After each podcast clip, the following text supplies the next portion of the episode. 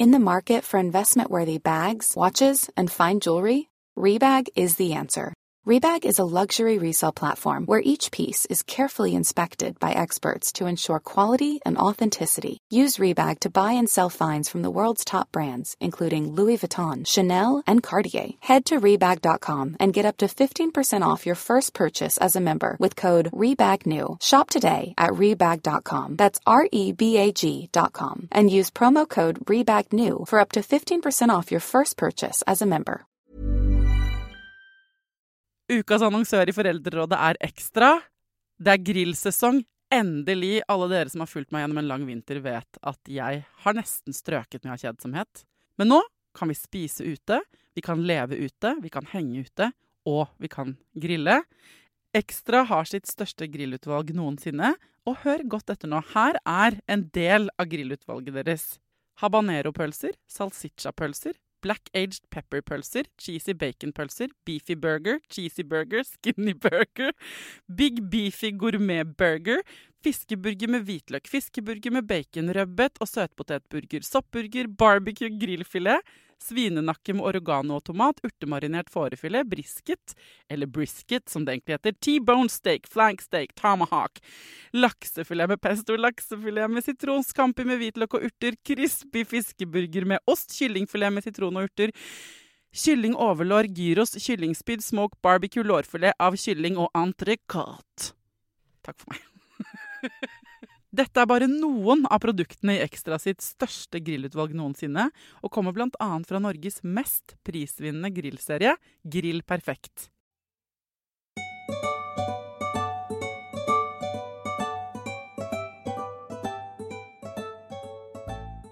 For fjerde gang denne høsten så er Line Marie Vareholm gjest her i Foreldrerådet. Hun er psykologspesialist. Og de forrige episodene engasjerer. De engasjerer på internett, de engasjerer på Instagram, de engasjerer på TikTok, og de engasjerer eh, selvfølgelig her, eh, der hvor du hører Foreldrerådet. Og jeg vil bare si, eh, hvis du har, når du hører nå denne fjerde episoden, da, noen innspill, spørsmål, du er uenig med Line, noe er uklart, send det til meg. Jeg har nemlig lyst til å kalle henne tilbake enda en gang, en femte gang, for å gi henne liksom deres dilemmaer. Så ha det i bakhodet når du nå hører denne episoden. Boka hennes heter Foreldrerevolusjonen, med undertittel Fire veier til robuste barn. Hva handler den fjerde veien om?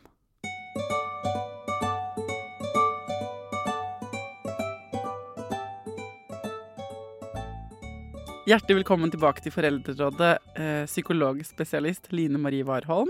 Tusen takk. Du er også foredragsholder, eh, spaltist i Aftenposten og forfatter, nå av boka 'Foreldrerevolusjonen'. Fire veier til robuste barn. Og den har vi jo nå snakka Du har fått mye spalteplass i Foreldrerådet. Det har jeg. Tusen takk for det. Men det er fordi du er smart, og eh, du har en annen innfallsvinkel, må jeg si, enn mange eksperter eh, nå for tiden i forhold til dette her med hvordan vi skal oppdra ungene våre. Mm. Eh, og den boka di inneholder jo, som du har sagt tidligere, veldig få eh, konkrete råd.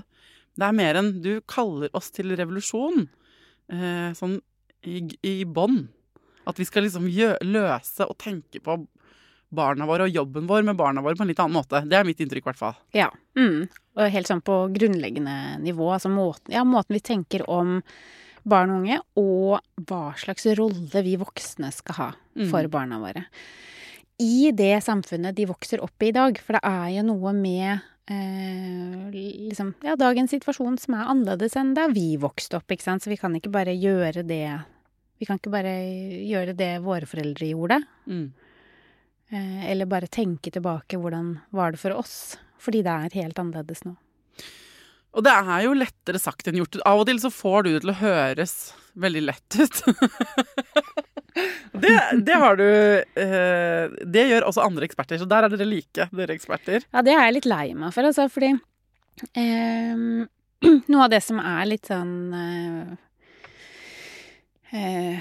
Budskapet mitt er jo at det finnes ingen måte å være forelder på som gjør at det er lett å være forelder. Altså de der drittsituasjonene hjemme hvor det blir hyl og skrik, og det blir ubehagelig, og man føler seg utilstrekkelig, og man vet ikke hva som er den riktige avgjørelsen.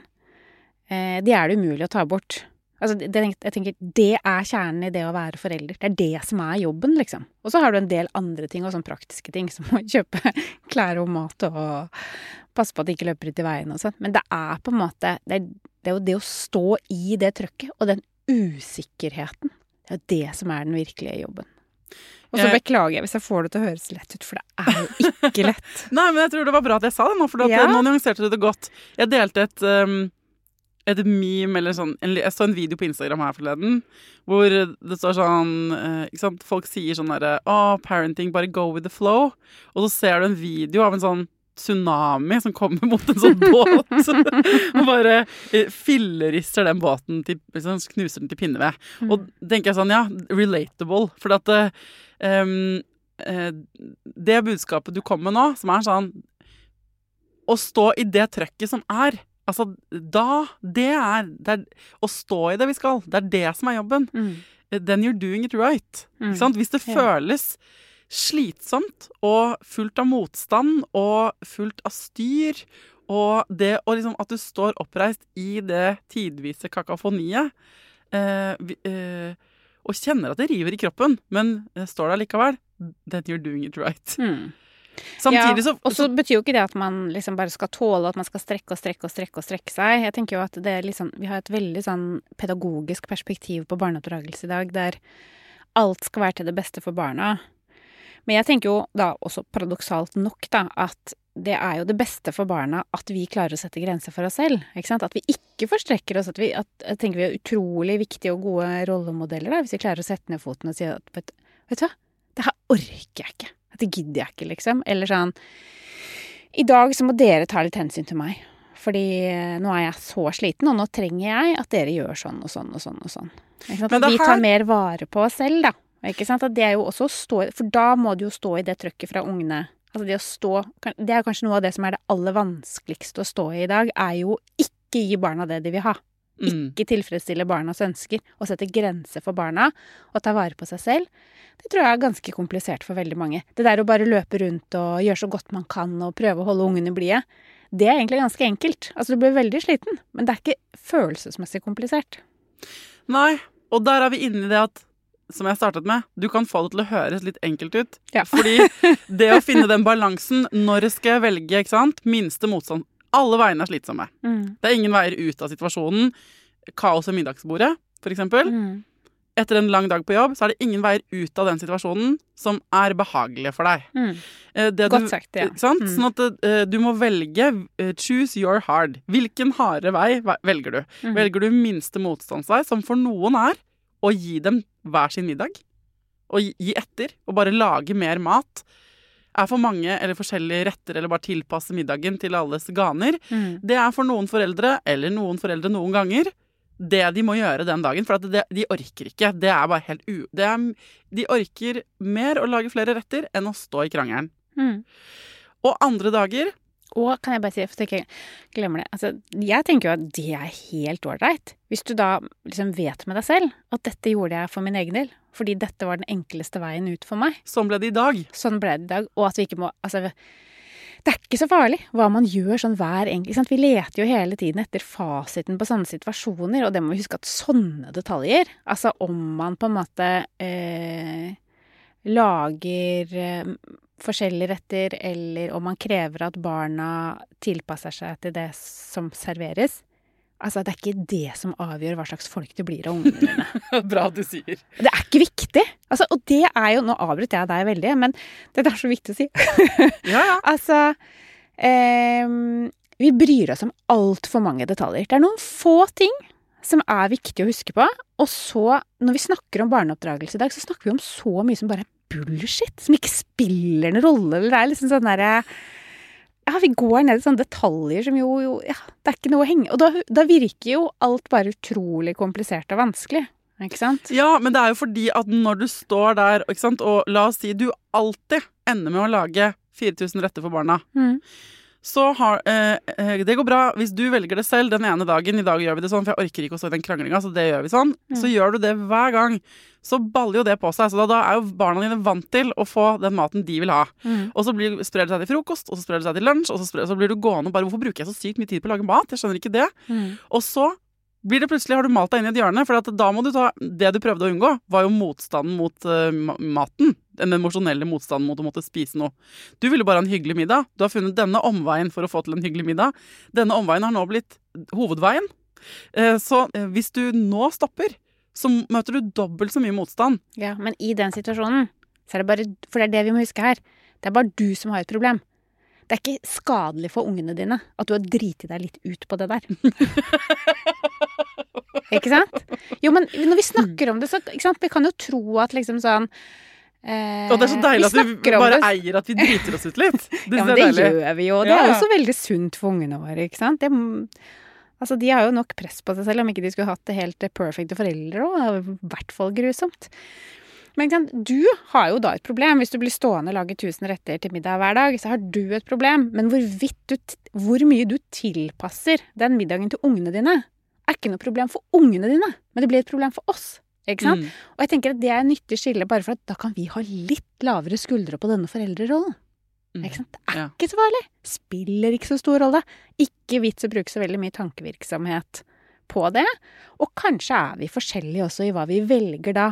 Noen har jo barn som eh, er veldig småspiste, og som blir stressa over det, ikke sant? Unger flest. Altså, er det ett instinkt som står ganske sterkt i oss, så er det jo på en måte det å få i oss nok mat så vi overlever, liksom. Det, mm. det ligger ganske sterkt i oss.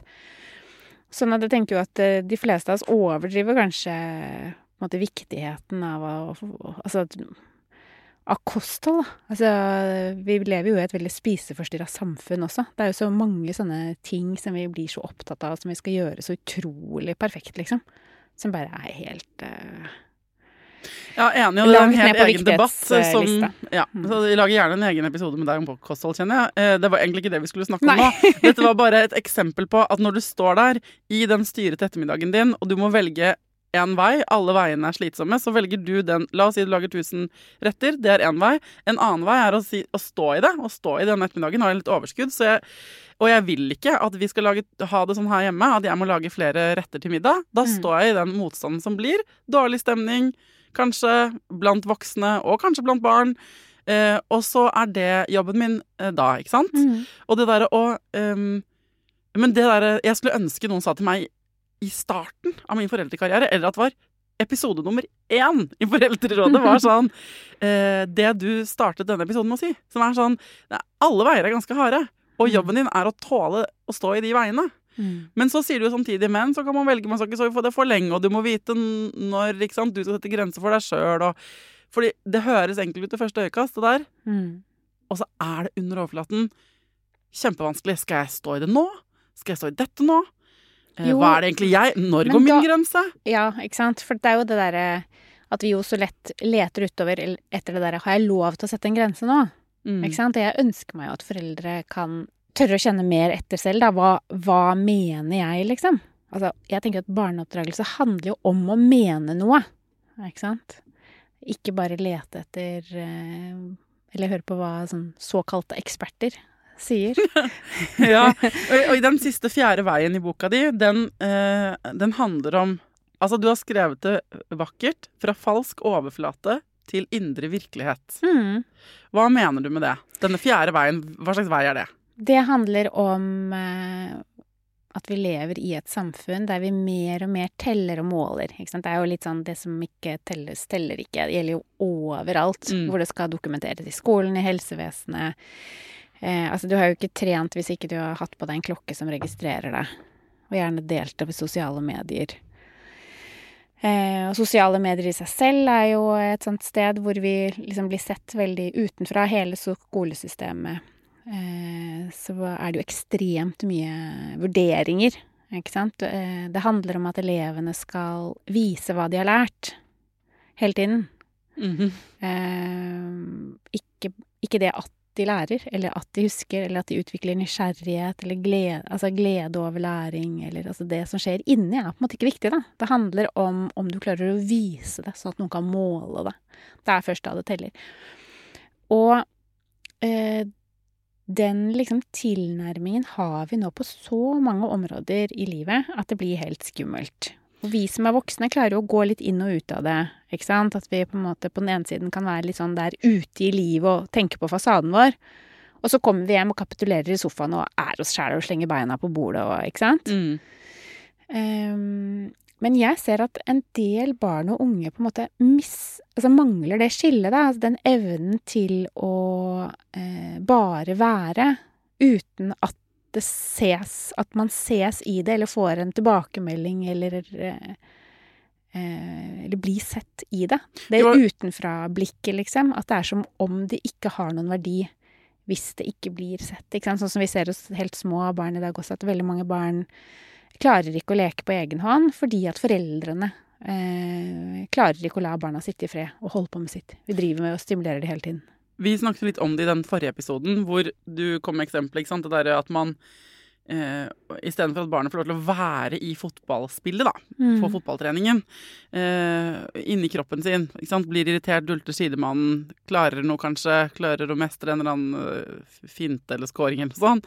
Så med en gang det sitter en forelder på tribunen, så blir barnet tatt ut av det, kanskje, da, ser blikket til pappa og får sånn Å ja, hvordan så pappa det nå? Og så, og flytter man på en måte kameravinkel. Man kan tenke på det som sånn Ja. kameravinkel. Mm. Eh, fra å være inni situasjonen selv, Mm. altså inni kroppen sin. Og at man bare opplever, ikke vurderer det, men Ja. bare er. Og det er det samme som eh, Jeg har det sånn eh, Et annet eksempel for å få folk til å skjønne hva det er. Så er det sånn eh, Vi har ikke noe særlig speil på hytta. Så når jeg har vært på hytta mange uker om sommeren, så har jeg glemt litt hvordan jeg ser ut. Eller i hvert fall før smarttelefonen Mm. og selfies, på en måte. Og det derre å gå rundt med noe sånn med noe i ansiktet, sånn sand i panna eksempel, eller noe da. Eh, Jeg kan gå rundt en hel dag med liksom et eh, med, Uten å tenke på hvordan jeg ser ut. Mm. Og så idet noen tar bilde av meg, eller jeg eh, ser meg i ka et kameraspeil, eller i det ene speilet vi har så bare, Å, herregud, da, da, det skiftet der Her har jeg gått rundt og hatt det kjempebra. Og så har jeg sett sånn ut. Den tror jeg mange kan kjenne seg igjen i, om du er på hytta eller ikke. Men man, må- og så kan man synes det er ekkelt, fordi man føler at man ikke har hatt kontroll Mm. på det ytre blikket. Mm.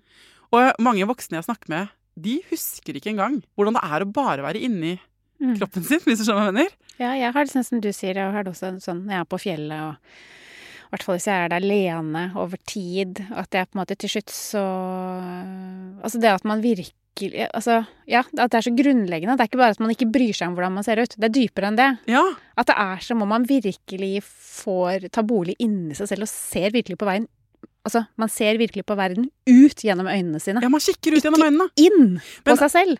Andre Ikke eksempler på hvor folk opplever det, er sånn for eksempel, der hvor du havner i sånn flyt. Om det er Ja. joggetur for deg, eller om det er at du sitter og tegner.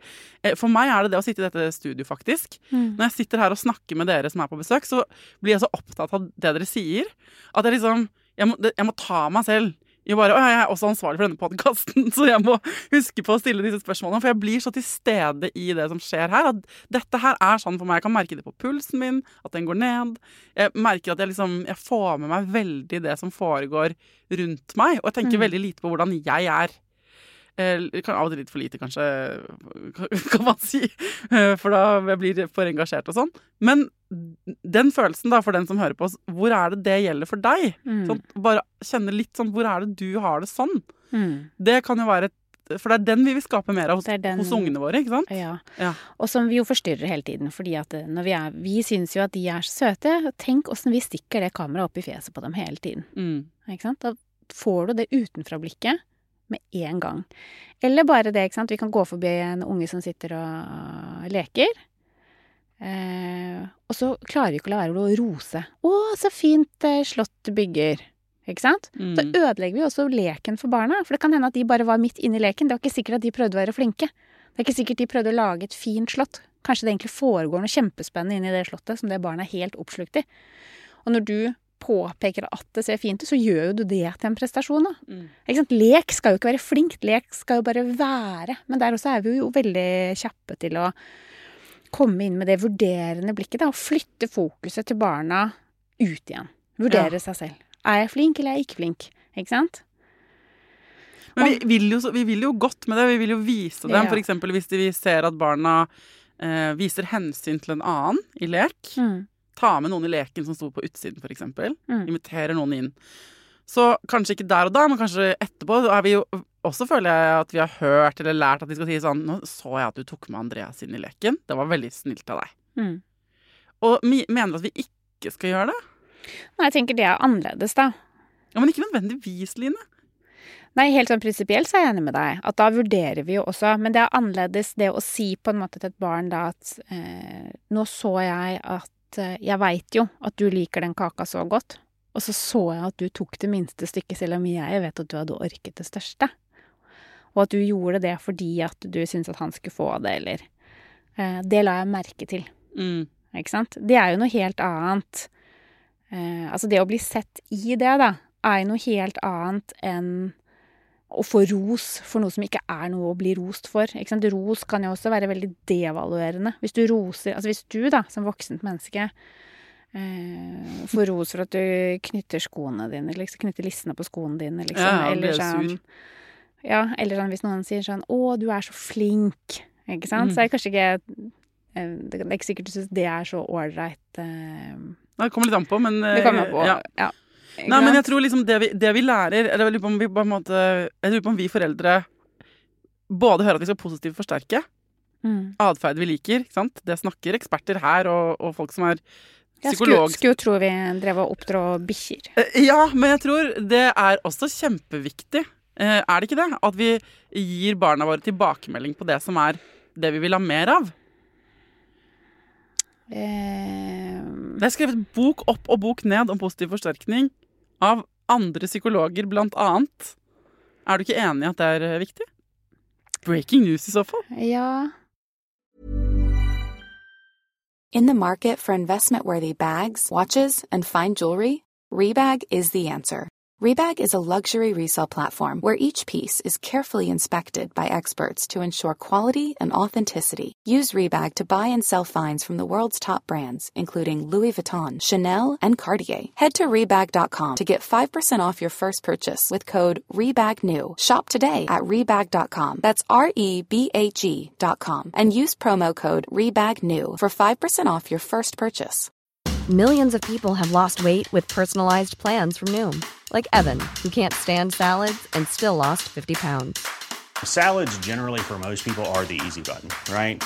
For me, that wasn't an option. I never really was a salad guy. That's just not who I am. But Noom worked for me. Get your personalized plan today at Noom.com. Real Noom user compensated to provide their story. In four weeks, the typical Noom user can expect to lose one to two pounds per week. Individual results may vary. Ukas annonsør i Foreldrerådet er Nextory. Det er en lydbok- og e-bok-app. Altså, du kan både høre på bøker og lese dem på telefonen din eller nettbrettet ditt. Og akkurat nå så får du 45 dager gratis, både til deg som kanskje har prøvd Nextory før, men også til deg som er helt ny. Jeg digger at også de som har prøvd det før, får lov til å prøve igjen. For å få 45 dager gratis, gå inn på nextory.no foreldrer. Nextory har tusenvis på tusenvis av bøker du kan lytte til eller lese. Og i dag har jeg tenkt å anbefale eh, noen bøker som eh, faller innenfor det som kanskje kalles selvhjelpsbøker. Men den kategorien har jo litt ufortjent dårlig rykte, spør du meg. Den første boka jeg vil anbefale, er boka som heter 'Psykolog med sovepose'. Johanne Refseth, som har skrevet den boka, var jo gjest her for noen uker siden. Den er absolutt verdt å lese eller lytte til. Andre anbefalingen jeg vil gi deg, er Sissel Grans bok 'Men størst av alt er begjæret', som handler om det å begjære noen andre enn den du er sammen med. Og jeg har også laget en episode med Sissel Gran om det temaet for et par år siden. Den boka er fantastisk. Hvis du har lyst til å prøve ut Next Story for første gang, eller eh, har prøvd ut før, men vil prøve det ut igjen, helt gratis i 45 dager, gå inn på nextory.no skråstrek foreldrer. Det kommer litt an på, liksom. Altså, for det er jo noe med Ja, det er viktig, ikke sant? Og så er det noe med at eh, det har vi hatt så mye fokus på, at eh, foreldre klarer jo snart ikke å snakke en setning med barna sine uten å snakke på den måten. Så det går helt inflasjon i det. Ikke sant? Og da får du jo Da går jo barn rundt i en verden hvor det de hører, er Husk å være flink, husk å være flink, husk å være flink, husk å være flink. Når det er det eneste på en måte du blir sett på, da. Ikke sant? Det du, det du er flink på, det du gjør bra. Så altså når vi roser barna våre, så sier vi jo til barnet 'Nå vurderer jeg deg'. Ikke sant? Mm. Og det er jobben vår, og det er også jobben vår å kritisere dem. ikke sant? Og si fra når de gjør ting som ikke er ålreit. Eh, men vi kan ikke gjøre det hele tiden. De må jo få fred også. De må jo få noen pusterom. Altså, vi må liksom være litt bevisste på hvor Altså om vi skal drive Og ikke bare hva vi sier til barna, men også legge merke til vårt eget blikk. Fordi at barna plukker jo det opp. Du kan ikke fake det. Altså, er det sånn, går du rundt og vurderer liksom å sette karakter på ungen din hele tiden? For gjør vi Jeg tror det er fort at vi havner der. At vi tenker sånn Å ja. Ja, men det der får han jo til, liksom. Ja, nei, det der var ikke så bra. Ja, nå var han ikke så grei. Ja, nå gjorde han jo sånn. Nei, nå har han vel eh, ikke spist nok brokkoli, liksom. Ikke sant? At vi, altså, vi Ja, men Vi også i motsatt den- eh, favør, da, med motsatt Mm. fortegn. Eh, så er vi jo, når det gjelder liksom, eh, å kritisere dem Hvis eh, det er en slitsom ettermiddag hjemme hos oss, hvor jeg er sliten, og ungen min er sliten, og det blir mye næging fra oss begge, egentlig, sikkert, så sitter jeg og på en måte venter nesten på en sånn anledning til å si sånn Nei, men nå gjør du det igjen. Eller sånn, kan du slutte å pirke på stebroren din? Eller kan du høre etter? Eller nå må jeg gjenta meg på nytt og gi deg den beskjeden. Mm. At jeg liksom prøver å speile han, ikke sant? I at Ser du ikke at jeg nå blir nødt til å si fra til deg igjen og igjen og igjen? Mm. Um, så det stikker litt når du sier sånn eh, Gi dem fred fra det ytre blikket. Så det, liksom, jeg kan le av det litt Jo, men rosen det kan du jo gjøre på en annen måte. Eller sånn, jeg er jo liksom, jeg er ganske irritabel person, da, særlig når jeg er litt uh, sliten. Og det er deilig at du sier. Uh, og jeg har eh, utrolig lav toleranse for lyder og pilling og pirking, og, og, og særlig hvis jeg er sliten, da. Eh, men eh, det er jo ikke barna mine sin skyld at jeg er sånn. Sånn at uh, når jeg trenger at de tar ekstra hensyn, så sier jeg det. I dag er jeg skikkelig sliten, så i dag tåler jeg nesten ingenting. Så hvis dere kan være så snill og ta litt ekstra hensyn til meg, så ville jeg satt utrolig stor pris på det. Men hva hvis de da ikke gjør det? det jeg prøver nemlig det, og hvis de da ikke gjør det, så begynner jeg å grine. Ja, Da gjør du det. Fordi jeg har jo sagt at dere skal ta hensyn til meg! Ja. Men ikke sant, og da tenker jeg at, at man i hvert fall prøver å eie det selv, liksom. For det er jo noe med det derre hvis man tar eh, Later som om man eier fasiten, liksom, så er jo det noe annet. Og hvis det liksom blir noe galt ved barnet fordi det er på den ene eller andre måten, så er jo det annerledes enn at du snakker ut fra ditt eget perspektiv, liksom. Mm. At Det bare Jeg syns det er helt utrolig at liksom Nå har jeg stått her og laget middag, som du, du sikkert har gjort. Ja, ja, Nå har jeg og det stått her og lagd middag og ordna opp, og jeg er så sliten. Og at ikke dere klarer å ta dere sammen litt grann og ta hensyn til meg nå, det syns jeg er helt håpløst, faktisk. Mm. Eller det blir jeg skikkelig lei meg for. Eller, ikke sant? Det er ikke sikkert du er lei det. Du blir kanskje lei det. Jeg hadde jo blitt sint. Jeg er jo litt sint og lei meg samtidig lei- ofte. Ja, Mm. ikke sant? Og at man viser, tenker jeg er helt øh, Det er jo eh, ganske sånn ålreite erfaringer for barn å ha med seg ut i livet. At det er sånn folk reagerer når du ikke tar hensyn til dem når de er skikkelig slitne. Da blir de sinte, eller begynner å gråte, eller du får en eller annen reaksjon. Hvis du, hvis du har lyst på god stemning hjemme, så kan man prøve å være litt grei mot mamma når hun er sliten. Da blir det mye hyggeligere. Da gir du jo faktisk barna en valgmulighet. Mm. Så Ja, hvis takk for de- hvis de vil at du skal bli blidere, så kan Ja. jo de bare skjerpe seg. Så Ja. blir det jo hyggeligere. Ikke Men sant? så jeg skjønner at på, på samme måte som i de andre veiene Du har skrevet eh, fire veier til denne eh, foreldrerevolusjonen, da. Mhm. Eh, så egentlig fire hver til robuste barn, men, men eh, til sammen blir det en foreldrerevolusjon hvis vi følger disse veiene. Og vi får robuste barn i tillegg. På samme måte som vi har diskutert tidligere, så er det på en måte Du mener ikke at vi eh, ikke skal se på dem i det hele tatt. Ikke sant? Det ikke, men du mener at kanskje pendelen, så vidt jeg forstår deg, da, Mm. har svingt for langt. At Mm. nå ser vi på dem hele tiden. Å se barnet er ikke det samme som å se på barnet. Mm. Så å se at barnet ditt leker, eller holder på med et eller annet den syns er gøy, eller den syns er frustrerende, Mm. eh, betyr ikke at du må kommentere det. Du kan se Nå leker de veldig fint, og gå forbi den leken. Og det er å se barnet ditt. Men å eh, kommentere det blir fort at du viser at du ser på barnet ditt, og da lærer du barnet det ytre blikket. Men det skal vi jo også lære dem til en viss grad. I Mm. hvert fall når det gjelder dette der hvor det blir vanskelig, når de er irriterende. De skal jo lære seg å få Mm. tilbakemelding på at når du gjør dette i klasserommet, eller dette rundt middagsbordet, eller dette i denne gruppa, eh, eh, så bli, fører det til at mamma blir sliten. Mm. Eller en, eh, broren din blir sur. Eller klassekameraten din blir lei seg, eller hva det nå er. Så eh, vi trenger jo trenger det jo kanskje enda mer når det gjelder sånn den negative biten, eller det vi vil korrigere. Ja, det kommer litt eh, Der er vi jo forskjellige, da. Ikke sant. Eh, mange barn blir jo utrolig irritert på foreldrene sine òg, fordi de liksom er sånn på og blander seg hele tiden. Og så Mm. tenker jeg at eh, Den følelsen av at barna liksom ikke tar oss på alvor eller hører på oss, handler jo ofte om at vi gir for mange beskjeder. At vi blander oss bort i sånn helt idiotiske detaljer. Og mene for mye, liksom.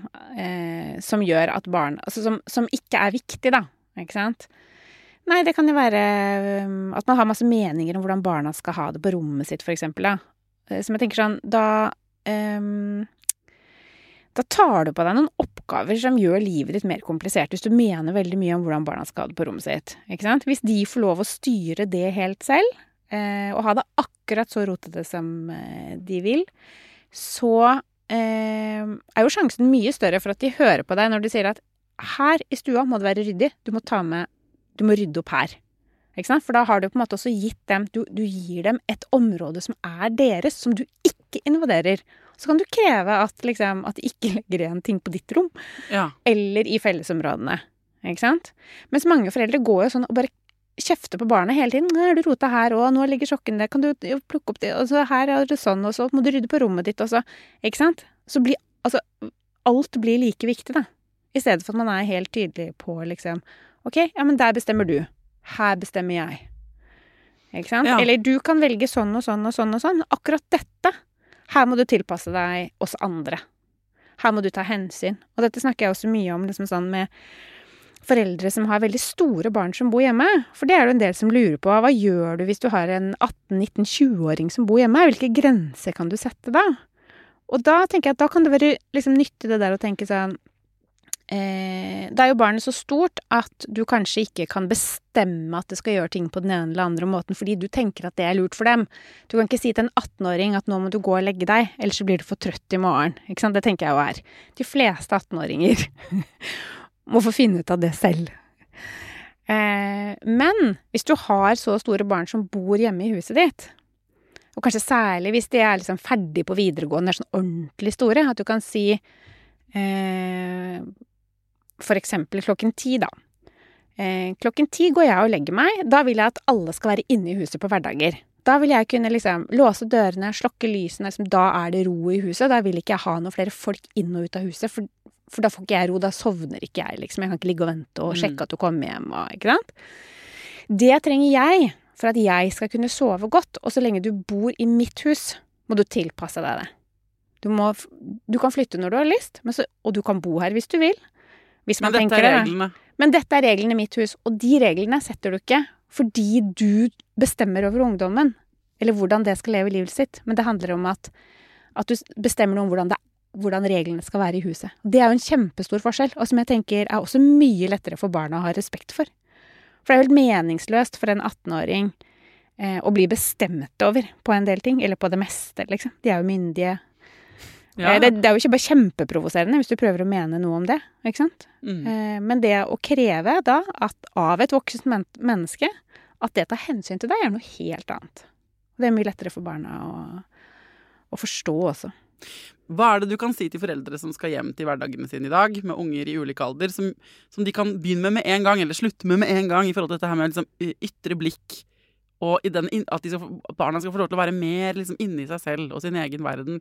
Jeg tenker at det aller viktigste er å ha den bevisstheten rundt at eh, Altså begynne å legge litt merke til det. Hvor ofte gir du barnet ditt en vurdering? Ja. Og så kanskje holde det litt eh, tilbake. Og så er det jo forskjell på det å gi en vurdering og det å dele en opplevelse. Ikke sant? Du kan jo Det er jo helt det er, Og det tenker vi ikke over, men det er stor forskjell om du sier til barnet ditt liksom sånn Å, det der så morsomt ut. Eller om du sier Oi, så flink du er. Mm. Ikke sant? For du, det å liksom vise entusiasme eller dele en opplevelse eller Ikke Man trenger jo ikke det man, eh, Jeg er jo sånn som sier hele tiden selvfølgelig sånn Å, dette var koselig, og nå så, Nå var det fint vær. Jeg, sånn, sånn som mange syns er irriterende. Jeg sier alle ting. Sånne følelser.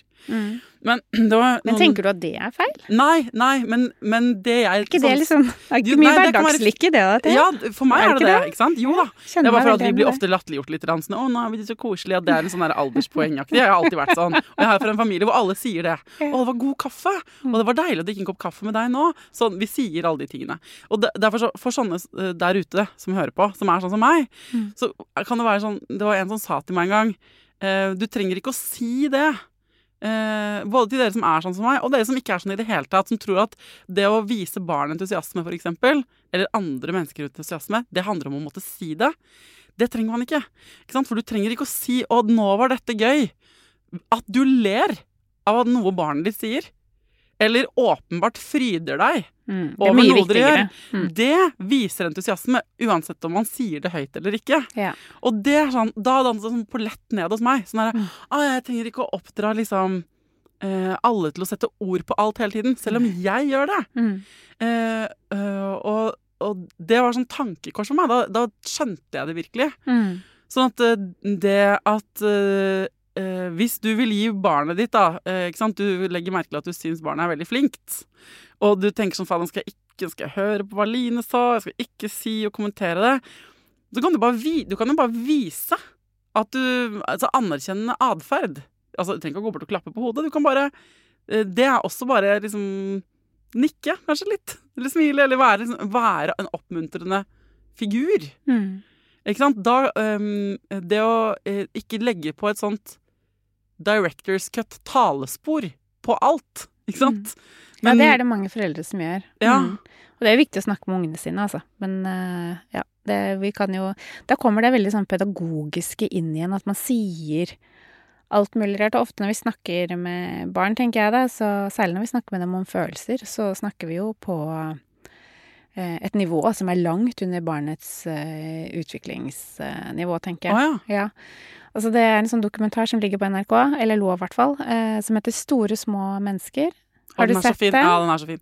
Alle må se, alle må se den eh, dokumentaren, og jeg syns den viser så godt frem hvor dumme vi voksne kan være når vi snakker med barn, liksom. Og de som jobber i den barnehagen, eh, de bare gjør det samme som alle vi andre så de er ikke noe, det, er ikke noe, det, er ikke noe, det er ikke noe spesielt med den barnehagen. Eh, men at det er, vi har fått en sånn holdning i samfunnet der vi nettopp driver og setter sånn ord på ting, og vi setter så banale ord på det, at jeg tenker at vi ofte forvirrer barna mye mer. At man prøver å forklare sånn hvorfor noen har gjort det eller det, eller ikke sant. Mens vi mennesker er jo mye mer kompliserte. Ofte så er det mange grunner. Vi kan jo ha mange følelser og tanker i oss på én gang.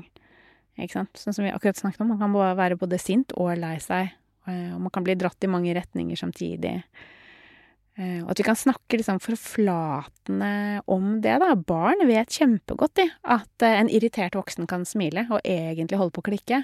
Mm. Barn vet det. Ikke sant? Men når vi snakker om følelser med barn, så snakker vi sånn Å, se der er Ole lei seg. Ikke sant? Tenker vi sånn Ja, han er litt lei seg for han ikke fikk være med å leke, men aller mest så er han rasende fordi at han tok den gule, han andre der tok den gule spaden også, ikke sant. Ja, ja. Ja. Men så vi lager sånne veldig enkle kategorier, da. Ja, sånn at uh, Hvis jeg forstår deg riktig, da, så er det eh, Snakk gjerne med barn om følelser, men snakk ekte. Mm. Og uh, ikke smink virkeligheten eller forenkle den. Hvis vi skal snakke med dem om følelser, do it uh, liksom real. Ja, og så tenker jeg, ikke sant, det er jo en del, eh, det er en del ting som er ganske vanskelig å snakke om, og at ikke det skal være noe mål at det skal være lett hele tiden heller. Ikke sant? Mm. For det snakker litt sånn eh, Sånn som vi snakket om eh, når vi snakket om sykeliggjøring, da, ikke sant. At vi har en sånn distanse til alt. Vi skal på død og liv snakke om alt i dag. Men da risikerer vi jo å snakke om ting uten at vi egentlig snakker ordentlig om det, fordi vi bruker bare ord, da, så er ikke følelsene koblet på. Ikke sant? Sånn som du sa med det anerkjennende blikket, da, at det, eh, et sånt varmt blikk er mye viktigere Eller altså, det kan være minst like virksomt da, som en haug av beskrivende ord, liksom. Ja, jeg måtte jo bli eh, 37 år og gå i dyre dommer til en pri privatpraktiserende psykolog, før jeg skjønte at å tenke etter og å kjenne etter ikke er det samme. Så det er noen tusen kroner spart for dere her. De bare ta det fra meg.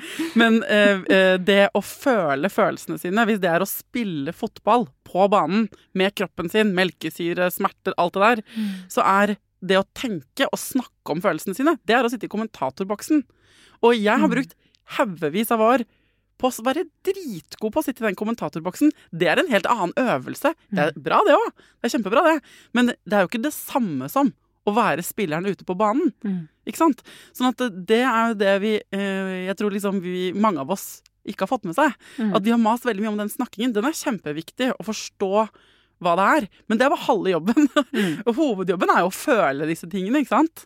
Um, ja. Så eh, jeg skulle ønske du, noen fortalte meg det for 40 år siden, på en måte. Men eh, ja. bedre sent enn aldri, da. Så kan dere andre spare noen tusenlapper i terapi der, for det, eh, det, er bare hyggelig. Men ok, for å prøve å oppsummere. Um, så Uh, og igjen er jeg usikker på om jeg har forstått deg riktig, Line, men du får bare korrigere meg. Mm. I en verden hvor vi ender med stadig mer å fokusere på liksom overflate vurderingskriterier. Altså sånn Ungene våre vokser opp til å liksom eh, se seg selv utenfra. De tenker på fjeset sitt i et selfiekamera. Eh, de får vurderinger fra oss foreldre, men også fra skolen og fra alle rundt hele tiden. Så det de mister da, eh, det kan være mye, da, men det viktigste kanskje de mister, er den derre erfaringen bare å være et menneske i en kropp som kikker ut på verden gjennom øynene sine. Mm. Og den Den opplevelsen er så veldig Det er den vi egentlig skal ha mest. Ikke sant? Mm. Ja, det er jo der den ekte gleden ligger. Det er der de ekte følelsene ligger. Mm. Ikke bare den ekte gleden, men de ekte erfaringene der. Så, så når du som forelder, velmenende som få, gir barnet ditt masse tilbakemeldinger hele tiden på hva du ser, du vil bare vise barnet at du ser det, men da minner du også barnet på det ytre blikket hele tiden. Det kan være lurt for å hjelpe barnet å se seg selv utenfra når det trengs.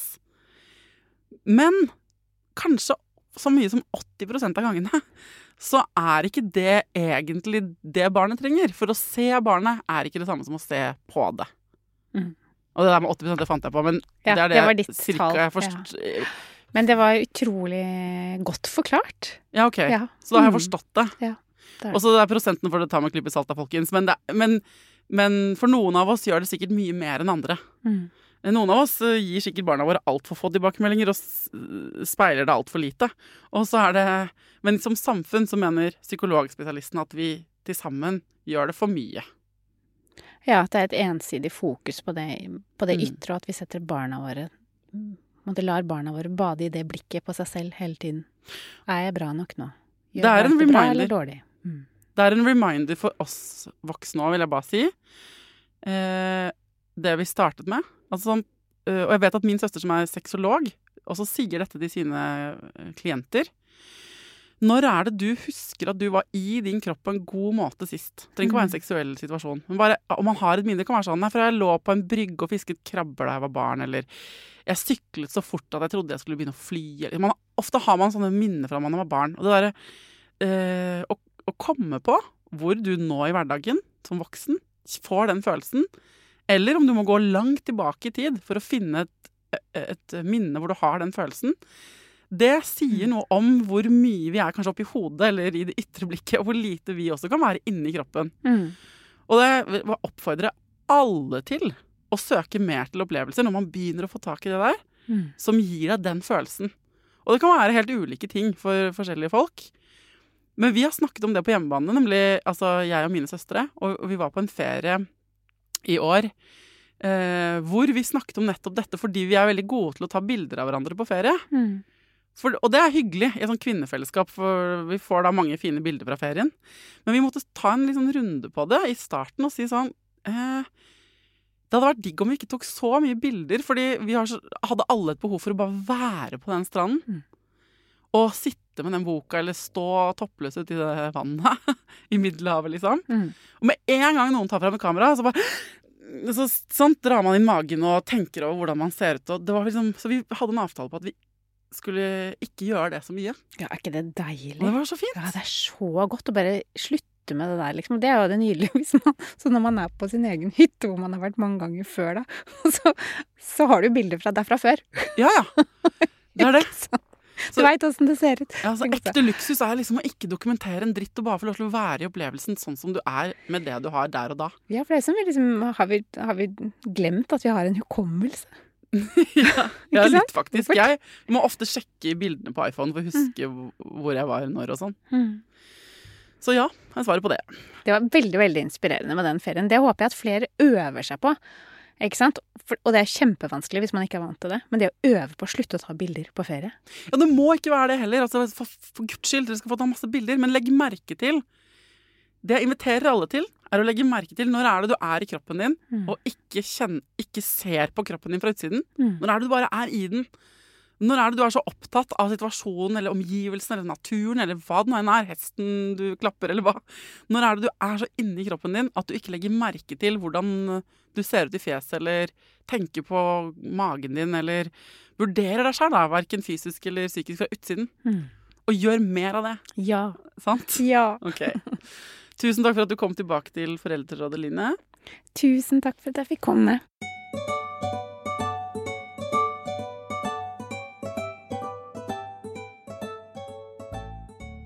Hvis du nå sitter med et spørsmål til Line, en innvending, du syns noe var vanskelig å forstå, du er skikkelig uenig med henne, vær så snill å sende det til meg. Jeg skal screenshotte og notere meg alle de tingene dere kommer med, og så skal jeg kalle henne inn. Eh, og så må hun svare for seg, eller forklare seg, ikke sant, forklare oss. For jeg syns selv det er litt vanskelig på en måte å forstå av og til. En ting er å høre henne prate, da syns jeg jeg forstår det veldig godt. Og så tar jeg med meg det hun sier tilbake til livet, og så syns jeg det blir vanskelig. så det, eh, hjelp meg, folkens. Kom med deres spørsmål, konkrete situasjoner, så skal jeg grille henne neste gang hun kommer på besøk. Takk for at dere engasjerer dere. Det er veldig koselig for meg at dere hører på denne podkasten. Til neste gang, ta vare på deg sjæl, ta vare på ungen din, og lykke til.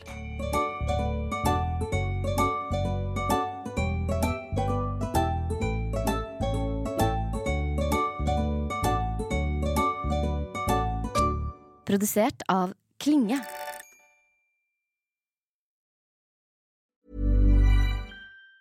Mom deserves the best, and there's no better place to shop for Mother's Day than Whole Foods Market. They're your destination for unbeatable savings, from premium gifts to show-stopping flowers and irresistible desserts. Start by saving 33% with Prime on all body care and candles. Then get a 15-stem bunch of tulips for just $9.99 each with Prime. Round out Mom's menu with festive rosé, irresistible berry chantilly cake, and more special treats. Come celebrate Mother's Day at Whole Foods Market. Mom deserves the best, and there's no better place to shop for Mother's Day than Whole Foods Market. They're your destination for unbeatable savings, from premium gifts to show-stopping flowers and irresistible desserts. Start by saving 33% with Prime on all body care and candles. Then get a 15-stem bunch of tulips for just $9.99 each with Prime. Round out Mom's menu with festive rosé, irresistible berry chantilly cake, and more special treats. Come celebrate Mother's Day at Whole Foods Market. Hold up. What was that? Boring. No flavor. That was as bad as those leftovers you ate all week. Kiki Palmer here, and it's time to say hello to something fresh and guilt-free. Hello Fresh. Jazz up dinner with pecan-crusted chicken or garlic butter shrimp scampi. Now that's music to my mouth. Hello Fresh. Let's get this dinner party started. Discover all the delicious possibilities at hellofresh.com. Hi, I'm Daniel, founder of Pretty Litter. Did you know cats tend to hide symptoms of sickness and pain? I learned this the hard way after losing my cat, Gingy. So I created Pretty Litter, a health monitoring litter that helps detect early signs of illness by changing colors, saving you money and potentially your cat's life. Pretty Litter is veterinarian developed, and it's the easiest way to keep tabs on your fur baby's health right at home. Go to prettylitter.com and use code ACAST for 20% off your first order and a free cat toy. Terms and conditions apply. See site for details.